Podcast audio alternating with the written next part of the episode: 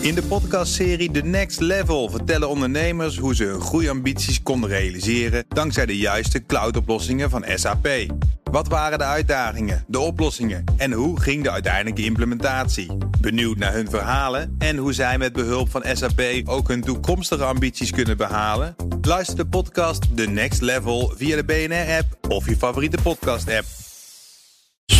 Tech Update. Met Connor Klerks. Connor, uh, de vermoedelijke daders achter de massale cyberaanval van afgelopen weekend hebben een losgeldbedrag bekendgemaakt. En het is. Ja, uh, ingewikkeld. 70 dan wel 50 miljoen uh, dollar. Kom ik zo. Het gaat om uh, R-Evil of Revel. vermoedelijk Russisch hackerscollectief. Um, dat kennen we nog van de aanval op de vleesverwerker JBS. Ja.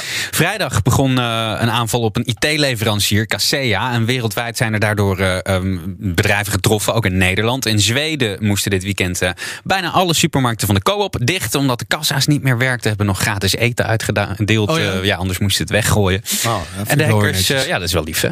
De hackers die hebben het volgende bericht online gezet. Als iemand wil onderhandelen over een universele decoderingssleutel. Onze prijs is 70 miljoen dollar in bitcoin. En we zullen openbaar een sleutel plaatsen die de documenten van alle slachtoffers ontsleutelt. Zodat iedereen binnen een uur van de aanval hersteld kan zijn.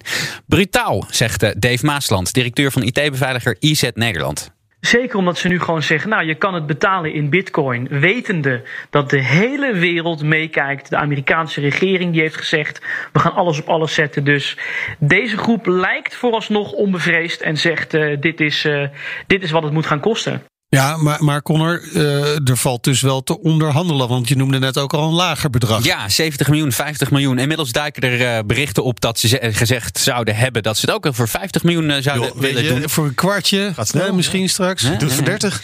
En ja, volgens Dave zou dat een indicatie kunnen zijn dat die aanvallers ook snel eigenlijk wel klaar hiermee willen zijn. Ze willen gewoon snel geld pakken. Maar of er daadwerkelijk iemand gaat betalen, daar twijfelt Dave aan. Ik kan het me niet voorstellen. Um, als je nu ziet de maatschappelijke druk. En als we nu ook al zien hoe geavanceerd en wat voor wapens deze groep tot zijn beschikking heeft. Niemand wil deze groep nog sterker maken dan ze al zijn. Dus ik kan het me niet voorstellen. Maar ja, er hoeft maar één uh, uh, vreemde verzekeraar tussen te zitten. Maar nogmaals, ik, ik ga daar niet van uit. Nee, het, uh, maar goed, dat bedrag gaat dus in ieder geval uh, vrij rap omlaag. We zullen zien waar het ja, eindigt. Net, uh, net de bitcoin-koers. Nou, vandaag, ja precies. Lekker volatiel. dan gaan we naar de taxi-app Didi. Wordt beschuldigd van het illegaal verzamelen van data in China. Ja, Didi kennen we hier in Europa niet zo. Het is een Chinese taxi-app, de grootste in China ook. En volgens de Chinese autoriteiten verzamelen zij illegaal persoonsgegevens van gebruikers. Um, CAC, dat is de Chinese cyberwaakhond, die heeft de app stores daarom gesommeerd nu om die app Didi Global te verwijderen. Didi uh, heeft wel plannen trouwens om naar Europa te komen. Om momenteel uh, nog alleen in China actief, maar daar wel de grootste. Een beetje de Chinese Uber. Ja, en ze zijn onlangs naar de beurs in New York gegaan, hè? Ja, en dat heeft er waarschijnlijk mee te maken. Um, vrijdag kondigde de CAC al aan dat ze een onderzoek gingen starten naar Didi. Die kwam twee dagen na de beursgang aan de New York Stock Exchange. En zolang het onderzoek van de C C sorry, CAC loopt, mag Didi geen nieuwe klanten aannemen. Volgens de Chinese autoriteiten um, komt dat omdat de nationale veiligheid en het algemeen belang beschermd moet nou, worden. Nou, nou is dit opnieuw een techbedrijf dat onder vuur ligt in China. Begint zich een patroon te ontwaren? Ja, je ziet het wel een beetje, een beetje ontstaan. Nou, China heeft heel lang redelijk laks uh, de teugels laten vieren voor techbedrijven. Ze werden heel groot, vaak ook wel met enige hulp van de Chinese overheid. Maar je ziet ze nu steeds harder optreden. Dat zag je ook bij Jack Ma en de Ant Group. De kartelautoriteit in China doet ook onderzoek naar Didi om te zien of er concurrentieregels geschonden zijn. Er wordt onder meer onderzocht of Didi kleine rivalen op oneerlijke wijze uit de markt heeft gedrukt.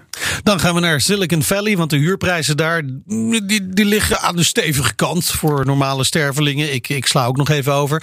Uh, maar ook het rijkste bedrijf ter wereld heeft er inmiddels moeite mee. Ja, uh, opmerkelijk verhaal. Apple overweegt grote kantoren te openen buiten Silicon Valley. Dat schrijven onder andere tweakers over vanmorgen. Dat is niet omdat ze zelf de huur niet meer kunnen betalen daar, maar omdat ze grote moeite hebben om engineers en ontwerpers te vinden die naar Silicon Valley willen vertrekken. Vanwege de ongelooflijk hoge huurprijzen daar, maar ook gewoon de, uh, de kosten van levensonderhoud daar. Het ligt heel erg hoog. Um, Apple zou willen uitbreiden naar Washington, Texas en North Carolina. Maar mogelijk ook naar Canada, het VK, Duitsland en Spanje. In totaal zou het gaan om tientallen duizenden banen, zegt een analist van Bloomberg.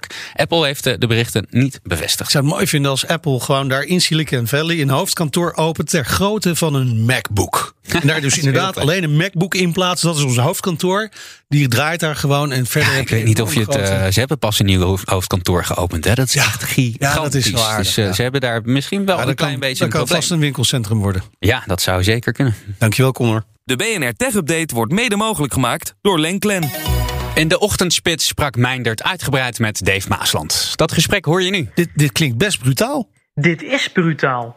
Zeker omdat ze nu gewoon zeggen, nou je kan het betalen in bitcoin, wetende dat de hele wereld meekijkt. De Amerikaanse regering die heeft gezegd, we gaan alles op alles zetten. Dus deze groep lijkt vooralsnog onbevreesd en zegt, uh, dit, is, uh, dit is wat het moet gaan kosten. Ja, maar er valt wel met te onderhandelen lijkt het. Hè? Want de meeste media melden op dit moment nog dat de aanvallers 70 miljoen dollar willen. Maar inmiddels komt binnen dat het bedrag naar 50 miljoen dollar is verlaagd. Ja, ze lijken te reageren op de gesprekken die mensen met hen aangaan van nou, het is in onderhandeling, als je nu 50 miljoen betaalt, willen we het ook wel doen. Dat zou wel een indicatie kunnen zijn dat ook Revel zegt nou, we hebben dit liever achter de rug, want de schaal en de omvang is wel, uh, wel heel erg groot. Ja, maar, maar gaat iemand dit betalen? Ik kan het me niet voorstellen. Um, als je nu ziet de maatschappelijke druk. En als we nu ook al zien hoe geavanceerd en wat voor wapens deze groep tot zijn beschikking heeft. Niemand wil deze groep nog sterker maken dan ze al zijn. Dus ik kan het me niet voorstellen. Maar ja, er hoeft maar één uh, uh, vreemde verzekeraar tussen te zitten. Maar nogmaals, ik, ik ga daar niet van uit. Maar kennelijk wordt er, wordt er mogelijk wel onderhandeld. Met wie gebeurt dat dan? Ik denk dat dat met name security onderzoekers zijn die dit doen om toch te kijken wat, wat leeft daar, hoe reageren ze. Het zullen ook inlichtingendiensten zijn, die kijken hier ook naar. Echt serieuze gegadigden verwacht ik gewoon niet. Maar ja, het, misschien worden we, worden we en ik nog verbaasd vandaag. Ja, precies. We, we, weten het maar niet. Het is natuurlijk wel op, opvallend. Hè? Onlangs werd er nog gewaarschuwd voor dit soort aanvallen. Het, we zien het steeds vaker gebeuren. Wat weten we nou over hoe deze aanval is uitgevoerd? Ah, dit is eigenlijk uh, de, de verschrikkelijke cocktail. Uh, we weten nu zeker dat Casea, het softwarepakket wat gebruikt wordt door IT-bedrijven om onderhoud op afstand te plegen, uh-huh. dus normaliter om beveiligingsgaten te dichten, dat juist dat is misbruikt. Dit was een aanval op IT-dienstverleners, die op hun beurt natuurlijk weer honderden klanten bedienen. Uh, dus ja, dit is echt een aanval die bedoeld was om op zeer grote schaal slachtoffers te maken. Ja, nou kennen we deze partij, uh, uh, Revil, hè, zo noem jij het. Ja. Die kennen we nog van de aanval op die vleesverwerker uh, GBS. Ja, inderdaad. We, weten we daardoor ook iets meer van de mensen die achter Revil zitten? Want er wordt naar Duitsland ja, gewezen, of sorry, naar, naar Rusland.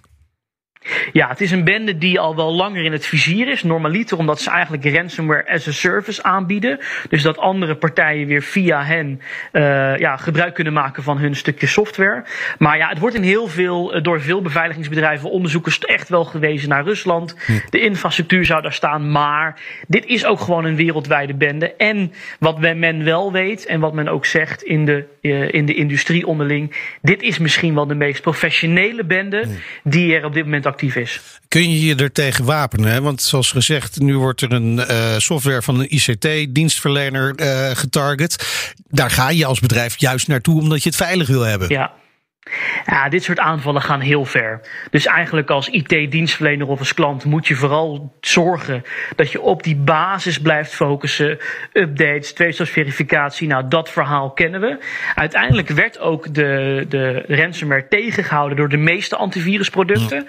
Maar specifiek deze aanvallers hebben, is het gelukt om, om Microsoft uh, uit te schakelen. Dus ja, hier is bijna niet tegen te verdedigen. Behalve om te hopen dat je fundament sterk genoeg is om zo'n aanval aanval eh, af te kunnen slaan. Dank Dave Maasland, directeur van ICT-beveiliger IZ Nederland. BNR Nieuwsradio, de ochtendspits. In de podcastserie The Next Level vertellen ondernemers hoe ze hun groeiambities konden realiseren dankzij de juiste cloudoplossingen van SAP. Wat waren de uitdagingen, de oplossingen en hoe ging de uiteindelijke implementatie? Benieuwd naar hun verhalen en hoe zij met behulp van SAP ook hun toekomstige ambities kunnen behalen? Luister de podcast The Next Level via de BNR-app of je favoriete podcast-app.